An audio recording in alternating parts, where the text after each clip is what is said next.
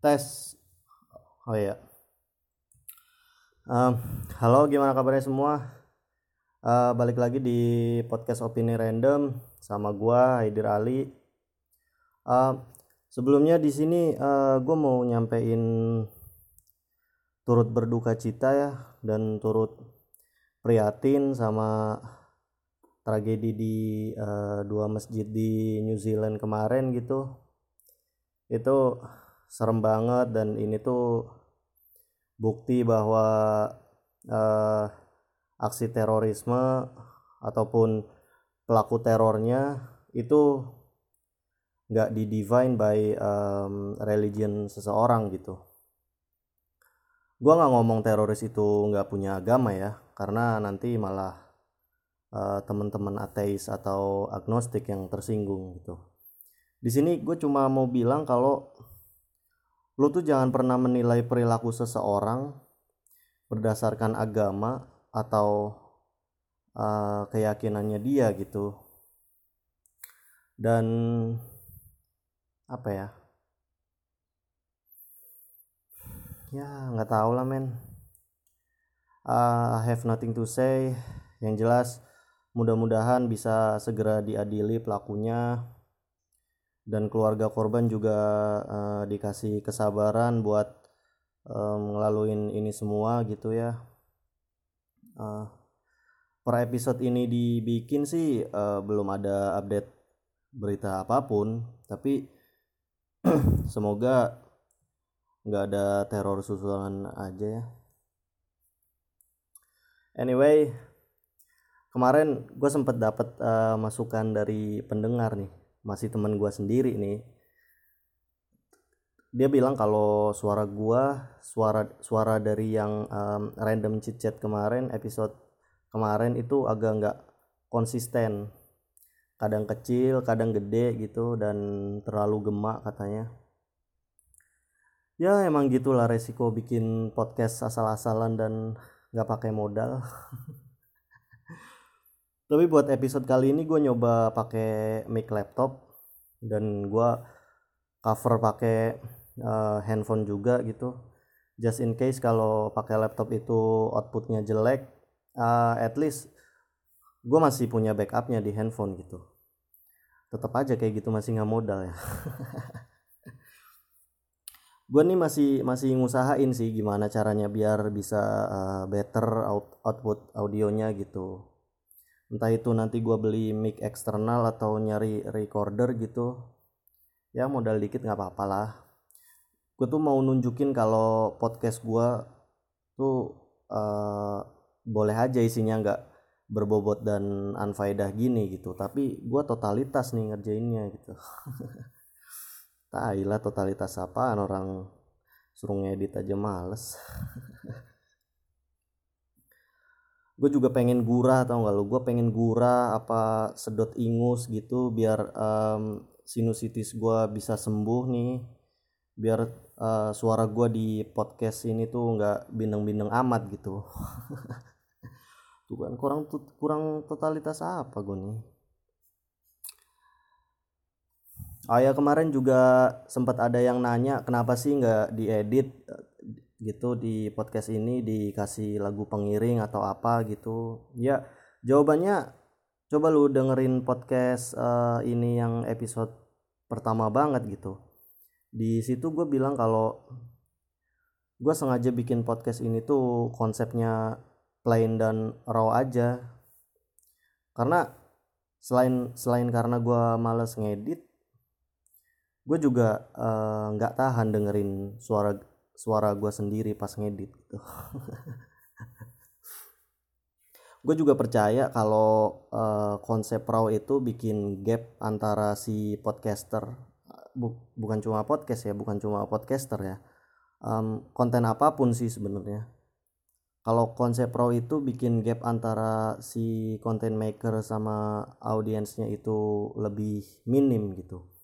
Jadi kayak lebih dekat aja gitu kalau dari konteks podcast ini ya jadinya lu kayak dengerin gua ngomong di depan lu sendiri aja gitu. Ya itu sih alibi gua buat nutupin kemalasan gua ngedit podcast ini. Di episode random chit chat kemarin gue juga sempat bilang ke tamu pertama ke cewek gue sendiri itu gitu ya. Kalau dia tuh uh, eh, gue jadiin parameter buat kelanjutan podcast ini gitu. Kalau abis episode kemarin grafik pendengarnya naik uh, eh, gue bakalan tetap jalan. Tapi kalau segitu-segitu aja gue mending udahan aja. Dan fakta gue masih rekaman hari ini juga uh, itu berarti nunjukin kan kalau grafik pendengarnya tuh lumayan naik gitu ya mungkin karena yang promoin dua orang kan. Tapi um, anyway gue happy banget ada feedback kayak gitu dari pendengar podcast ini.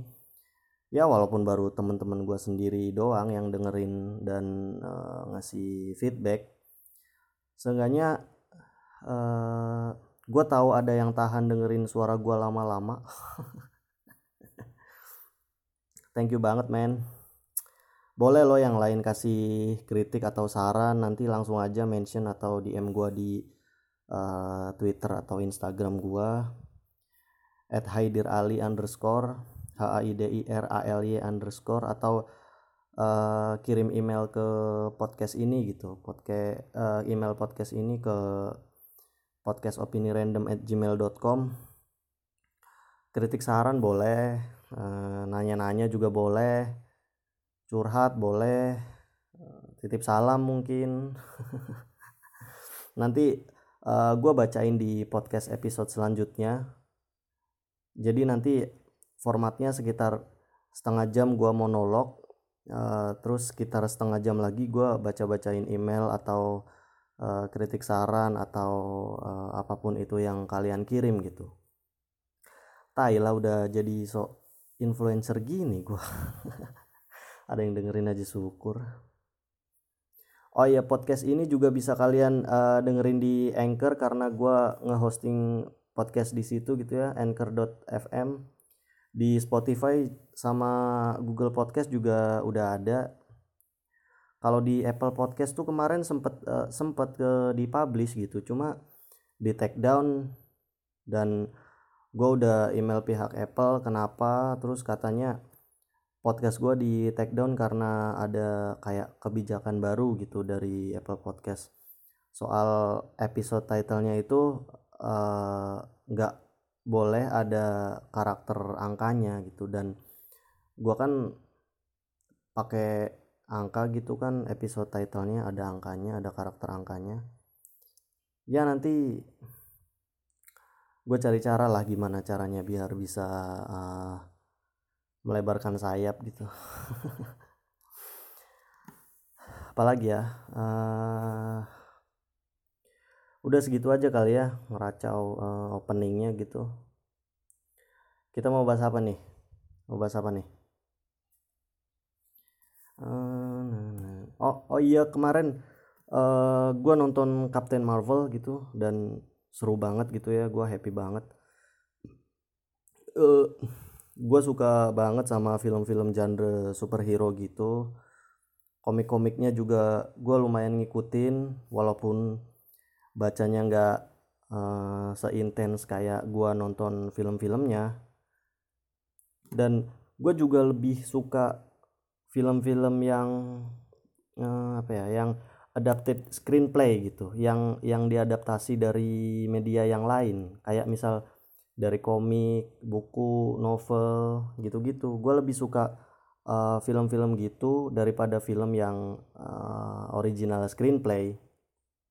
Gue juga nggak tahu kenapa karena uh, menurut gue film adapted screenplay itu gue jadi bisa punya pondasi dan bekal buat nontonnya gitu.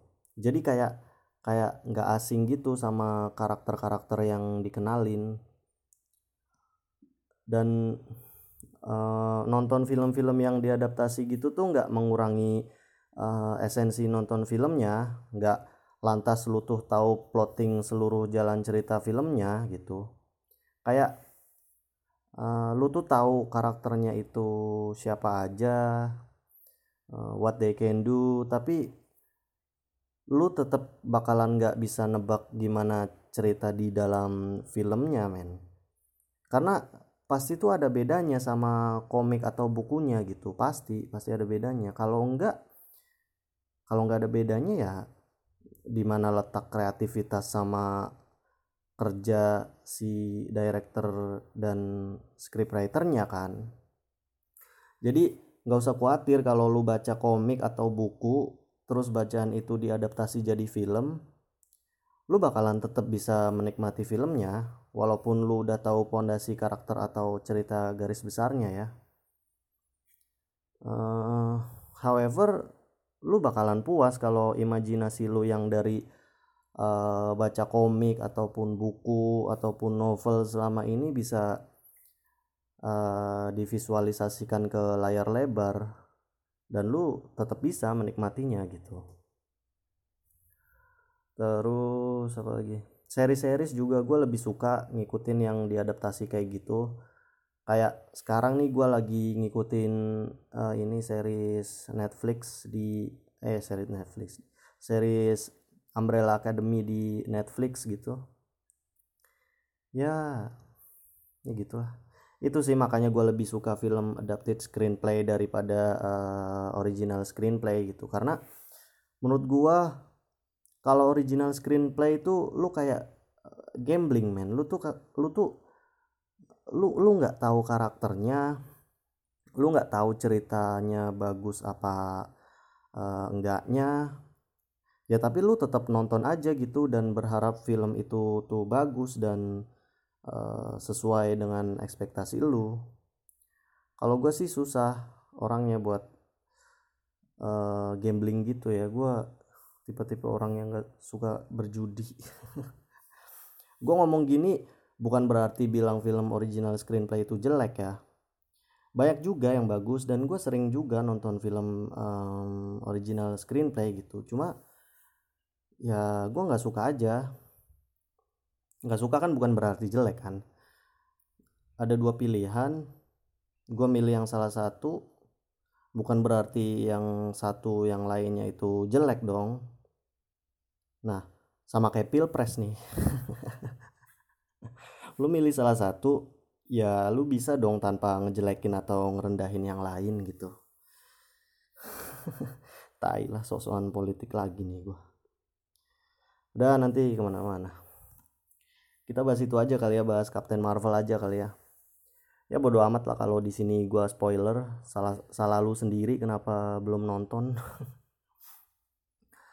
Uh, soal Captain Marvel gua kasih nilai 9 buat film ini.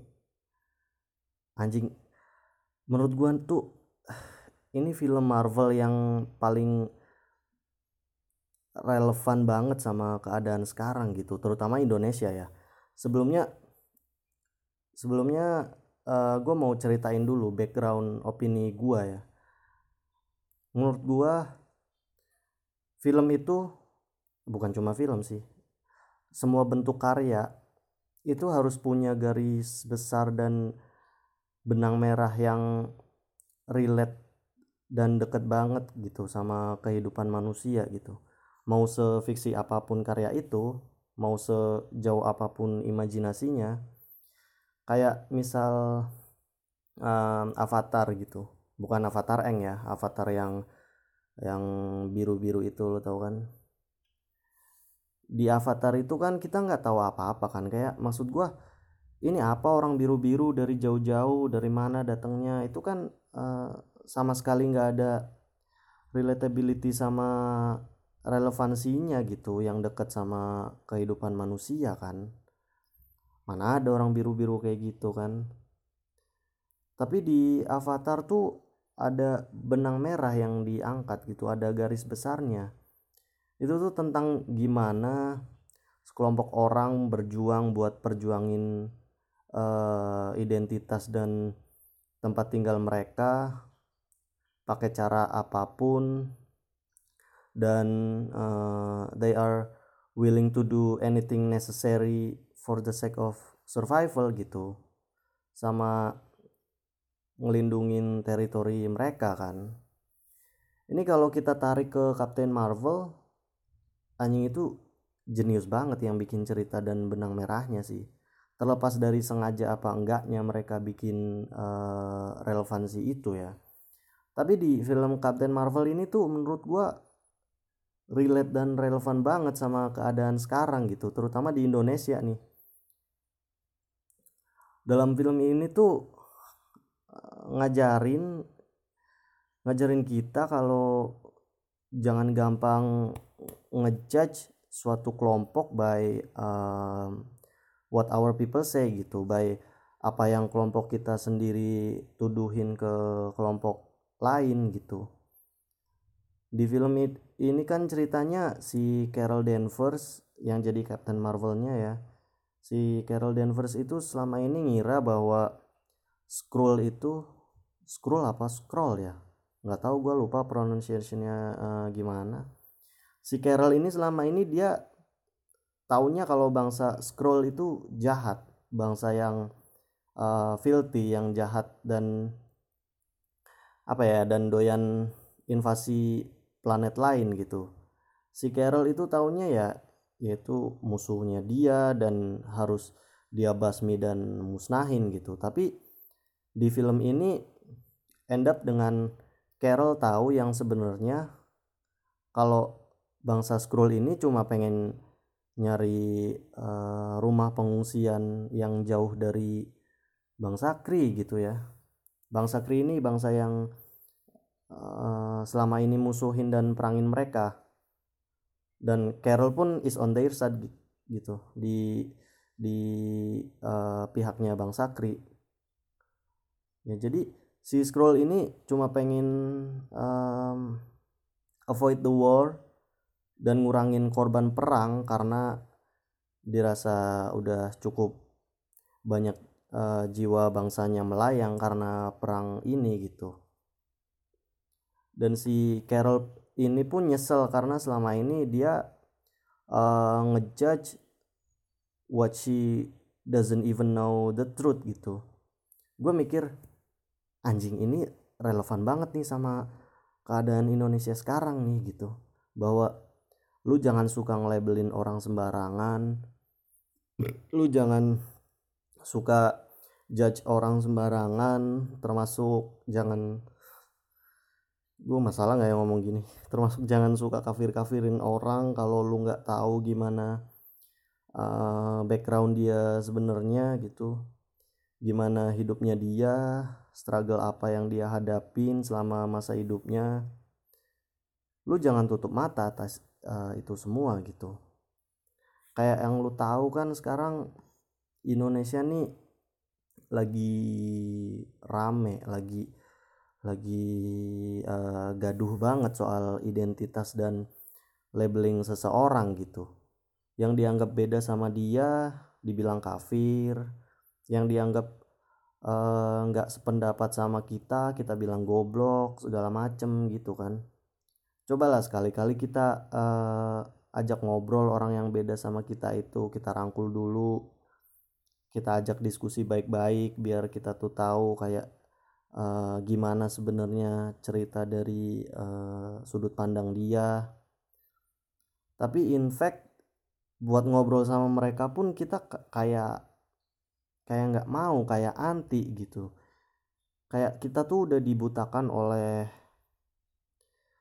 opini dan stigma kita sendiri soal uh, gimana kita ngelihat mereka dari awal gitu.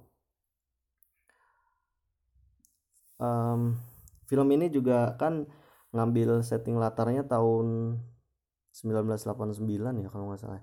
1989 sampai uh, 95 ya di mana kalau gue nggak salah sentimen rasisme di US itu lagi naik-naiknya. Benerin kalau gak salah ya. Mungkin director film ini tuh mau ngangkat isu itu gitu. Mau ngangkat isu itu juga lewat uh, poin benang merah ini gitu. Isu yang di zaman isu eh isu yang di zaman itu tuh lagi uh, naik banget.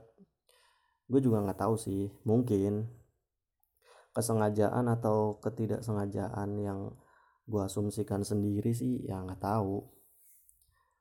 Terus uh, aspek 90-annya juga kental banget di film ini gitu. Pakai lagunya itu apa soundtracknya yang Nirvana yang Come As You Are sama stylenya Carol yang grunge grunge gitu. Uh, apa lagi ya? Hmm. oh ini. Di film ini juga ngajarin kita soal gimana uh, kita jangan gampang percaya sama uh, propaganda pemerintah gitu atau otoritas apa pun gitu. Dan jangan gampang percaya sama apa yang mereka bilang ke kita gitu. Kalau lu udah nonton filmnya lu lu lu pasti tahu kayak gimana si Carol ini bisa ngejudge kalau uh, bangsa scroll itu jahat. Ya dari bangsa Kree itu sendiri gitu. Ibaratnya kayak uh, pemerintahnya kayak otoritas tertingginya yang bilang kalau Skrull itu musuh dan uh, halal buat dibunuh gitu. Padahal infeknya tuh ya nggak gitu. Otoritas Kree ini namanya uh, sub apa ya? Supreme Intelligence ya kalau nggak salah ya. Kalau nggak salah sih. Ya pokoknya itu si si Supreme Intelligence ini kasih doktrin dan propaganda sedemikian rupa ke bangsa mereka sendiri kalau Skrull itu musuh bersama gitu. Mereka bikin propaganda kayak gitu ya ya demi kepentingan mereka sendiri demi kepentingan bangsa Kree sendiri gitu. Dan si Carol ini ya percaya-percaya aja karena dia itu kan uh, setia sama Supreme Intelligence kan. Selama ini Carol sendiri ngerasa kalau uh, Kree itu bangsa yang baik. Bahkan dia kan uh, ngeklaim sendiri kalau bangsa Kree itu adalah uh, a race of noble warrior heroes kan. Which is end up kita tahu kalau uh, Carol tuh cuma dibego-begoin aja gitu dimanfaatin aja kekuatannya di poin benang merah benang merah ini tuh udah jelas banget kan pesannya. Maksud gua jangan gampang percaya sama uh, propaganda otoritas gitu. Jangan fanatik buta. Lu tuh harus tetap skeptis sama semuanya kalau mau jadi orang yang kritis men. Lu harus mempertanyakan semuanya dan jangan uh, lu telan mentah-mentah gitu lu harus cari tahu sendiri uh, data yang sebenarnya buat ngevalidasi itu semua. Uh, terlalu percaya dan terlalu setia buta sama otoritas itu juga eh, nggak uh, sehat gitu ya. Lu bakalan ditindas kalau kayak gitu. Lu bakalan dibego-begoin terus kayak si Carol ini gitu. Kalau misal gue masalah nggak ya ngomong ini misal ya ini gue misal aja. Kalau misal pemerintah bilang paham paham-paham kiri itu sesat kafir anti agama eh, nggak uh, bener ya lu jangan langsung percaya gitu. Lu harus cari uh, tahu sendiri yang bener gimana. Ini kira-kira jadi nggak mas jadi jadi masalah nggak ya gue ngomong ini? Nanti malah dikira gue himbauan buat makar dan pro kiri. Ampun pak tadi bukan saya yang ngomong. Uh, jargon di film ini yang Carol bilang I'm not gonna fight your war I'm gonna end it. Yang pas Carol decided kalau dia tuh nggak bakal milih siapa-siapa itu yang dia dia dia nggak bakal milih Kree ataupun Scroll ya. Yang jargon ini tuh menurut gua relevan relate dan uh, dan valid banget gitu. Valid dalam artian kalau lu mau objektif dalam dalam konteks netralitas apa pun ya dan bukan cuma pilpres pilpres lagi lu tuh jangan cuma condong ke salah satu pihak tanpa mau tahu kebenaran dari uh, pihak lain gitu. Nggak masalah kalau lu decided to uh, to choose a side gitu. Tapi lu bisa choose a side tanpa harus mencela ataupun menyakiti pihak lainnya. Lu paham kan maksud gua? Ya ya gitulah. Tapi in fact tuh uh, susah banget gue tahu karena ya karena itulah resikonya kalau cuma ada dua pilihan gitu kan either you with us or against us gitu kan kata uh, Winston Churchill. Padahal nggak gitu lu tuh tetap bisa di uh, tengah-tengah buat objektif gitu. Kalaupun lu lu memutuskan untuk memilih kalaupun lu uh, choose a side lu bisa kok tetap objektif gitu. Sebenarnya sesimpel dan uh, sesederhana itu sih cuma gue juga nggak tahu kenapa di terjemahan lapangannya kayak uh, susah banget diimplementasiin. Entah orang-orangnya kayak entah orang-orangnya yang ignorant atau emang uh, udah fanatik buta aja gitu. Kayaknya ya nggak tahu lah. Kayaknya cukup ya dengan semua filosofi politik dari film Captain Marvel. Gue juga tadi cuma bullshitting sama meracau aja. Niatnya mau review Captain Marvel tapi kok malah bahas isu sospol lagi.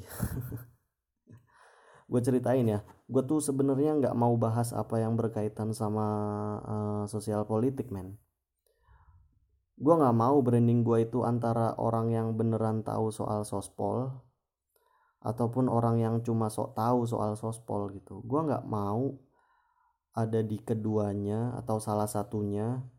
Gue juga nggak mau ada di tengah-tengah di antara keduanya gitu. Tapi gue juga nggak tahu kenapa uh, concern gue yang pengen gue omongin itu uh, kebanyakan ada di sospol gini-gini gitu. Uh, apalagi ya? Oh iya. Uh, anyway uh, next movie dari Marvel itu Avengers Endgame ya. Bentar lagi rilis tanggal 27 April ya kalau nggak salah ya. Can't wait to watch gue juga pengen lihat gimana role-nya um, Captain Marvel di situ. Dia tuh baru aja sekali main di uh, film solonya dan langsung main di Endgame which is film itu event gede banget kan. Kayak uh, ketahuan banget role-nya Captain Marvel di situ tuh penting gitu dan pasti dominan banget gitu gue jadi pengen bahas salah satu fan teori untuk endgame yang gue percayain di sini. Sotoy dikit nggak apa-apa lah ya. Oh iya kalau lu duduk sampai post credit scene-nya Captain Marvel di situ ada scene uh, di mana uh, Steve Rogers uh, terus Natasha Romanoff uh, Bruce Banner sama siapa satunya? Yang War Machine. Rodi ya. Rodi tuh nama depannya siapa sih? Gue lupa. Ya itu tuh mereka lagi benerin pagernya Nick Fury yang di desain buat ngontak Captain Marvel kan. Dan di akhir uh, scene itu di post credit scene-nya itu ternyata pagernya works dan Captain Marvel datang terus nanyain uh, where is Fury gitu. Kalau lo inget uh, trailer Endgame yang pertama, di situ ada scene Steve Rogers udah shaving, udah cukur brewoknya jadi bersih. Tapi di post credit scene Captain Marvel, Steve belum shaving dan masih brewokan. Terus juga ada Natasha Romanoff yang di post credit scene-nya Captain Marvel uh, rambutnya masih putih warnanya yang kayak di Infinity War. Sedangkan di trailer Endgame yang kedua yang baru rilis kemarin itu rambut dia udah ganti lagi jadi merah gitu warnanya.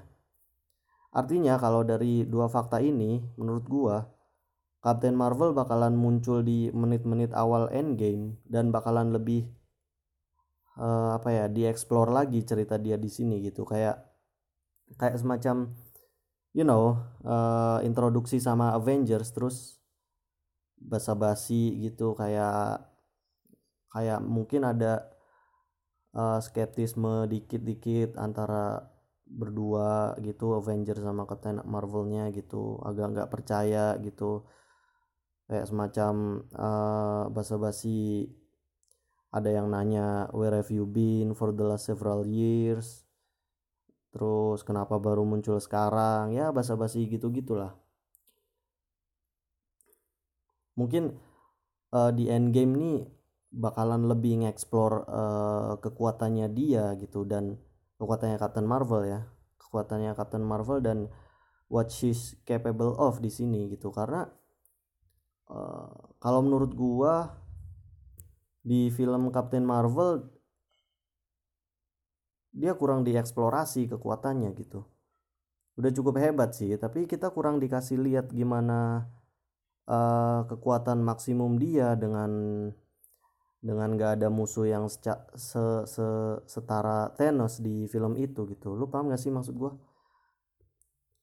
Di di Endgame kan dia digadang-gadang bakalan jadi uh, the one who defeat Thanos kan. Kekuatannya setara Thanos gitu. Bahkan banyak yang overstatement kalau Captain Marvel itu uh, lebih kuat dari Thanos gitu. Tapi menurut gua di dalam film solonya Captain Marvel kemarin kita nggak dikasih villain yang cukup berarti nih buat dia kalahin gitu. Jadi jadinya cuma kayak kayak receh-receh aja villainnya gitu. Jadi buat bayangin dia bakalan kalahin Thanos pun kita masih belum punya bayangannya bakalan kayak gimana nih gitu. Paham gak sih maksud gua? Gue kan paham lah. Selain ada uh, Captain Marvel gitu yang perannya bakalan krusial di Endgame ada juga uh, Ant-Man gitu lo mungkin pernah dengar ada banyak fan teori yang bahas kalau uh, salah satu cara Avengers ngalahin Thanos adalah dengan melakukan time traveling gitu. Dan gue uh, termasuk yang mempercayai ini gitu teori ini. Jadi cara kerjanya mereka bakalan balik ke masa lalu di mana Thanos belum uh, ngumpulin batu uh, batu batunya bahkan mungkin belum punya pikiran buat uh, nge-snap gitu buat genocide gitu mungkin. Dan Avengers bakalan ngalahin Thanos di masa itu di masa dia belum uh, punya batu gitu. Caranya itu dengan melakukan perjalanan ke quantum realm. Nah di sini Ant-Man nih kuncinya nih.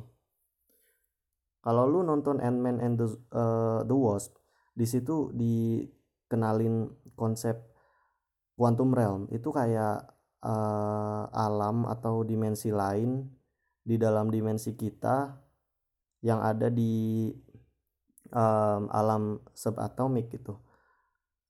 Dan di film itu di film Ant-Man and the Wasp dimension kalau di dalam quantum realm itu lu bisa melakukan uh, time traveling ke masa lalu ataupun uh, masa depan gitu.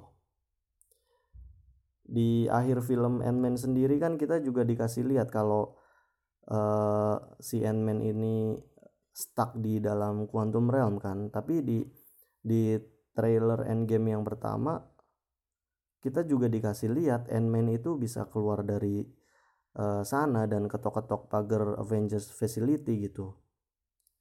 Gimana caranya? Ya kalau menurut gua menurut teori gua ya karena dia time traveling ke masa depan gitu somehow gimana caranya.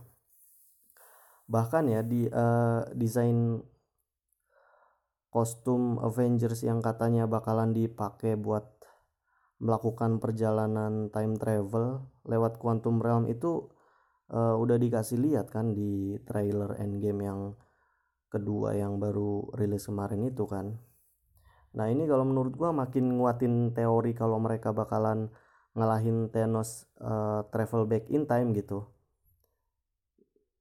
Nah yang bikin seru dari fan teori soal travel back in time ini yang gue percayain ya itu adalah yang bikin seru itu uh, dampak dari perjalanan waktu ini gitu.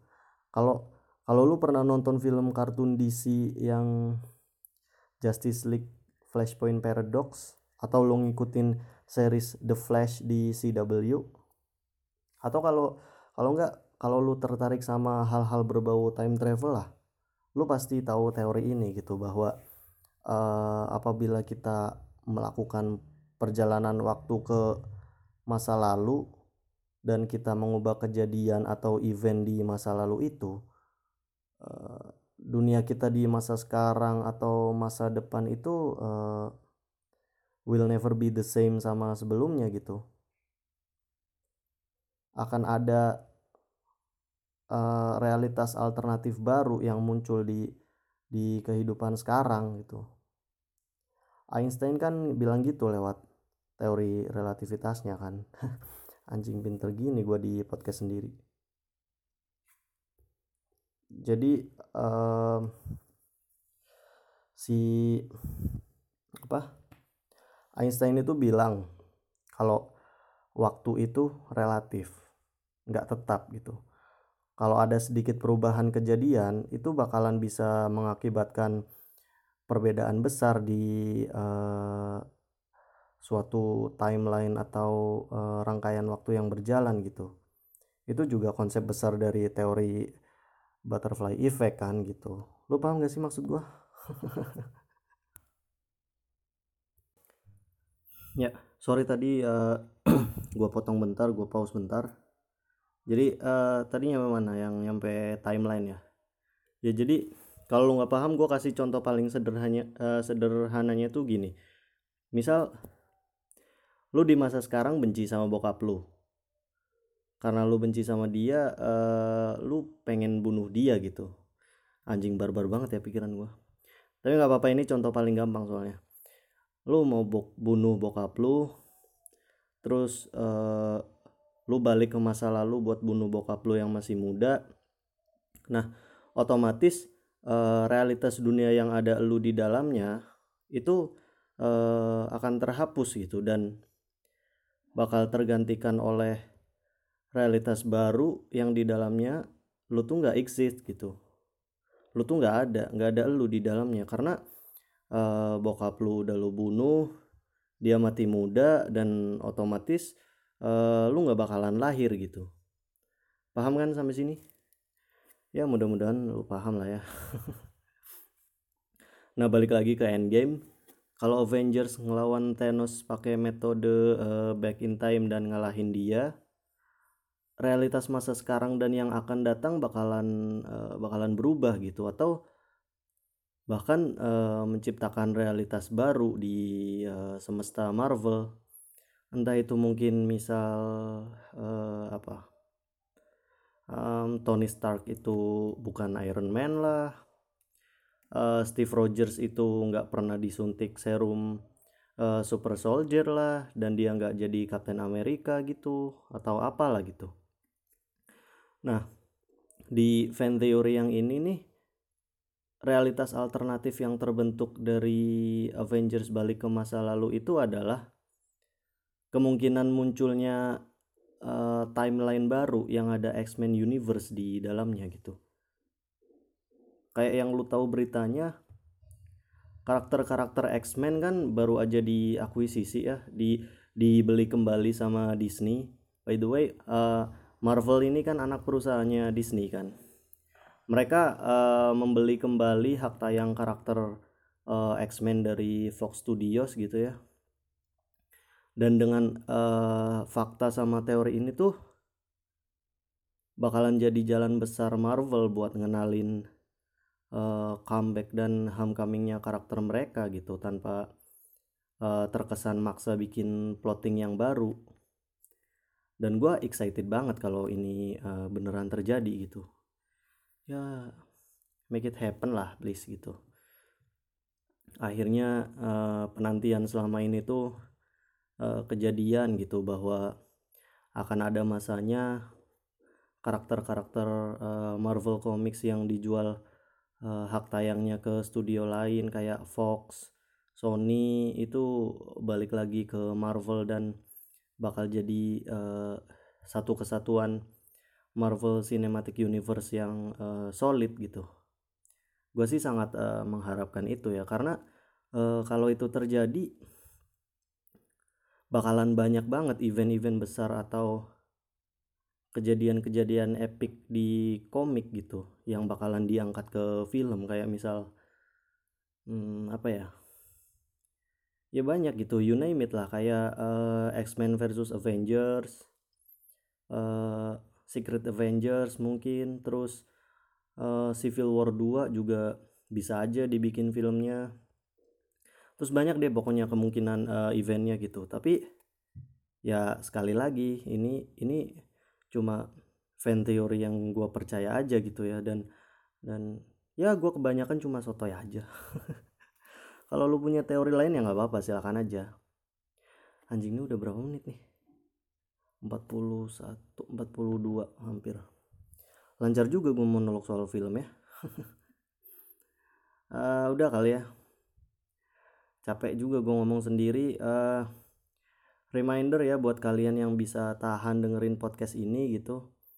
Gue sangat mengharapkan feedback dari kalian terserah mau itu negatif apa positif uh, kritik saran juga boleh curhat boleh titip-titip salam mungkin biar kayak radio zaman dulu gitu. Bisa lu kirim lewat uh, Instagram atau Twitter gua di @haidirali underscore.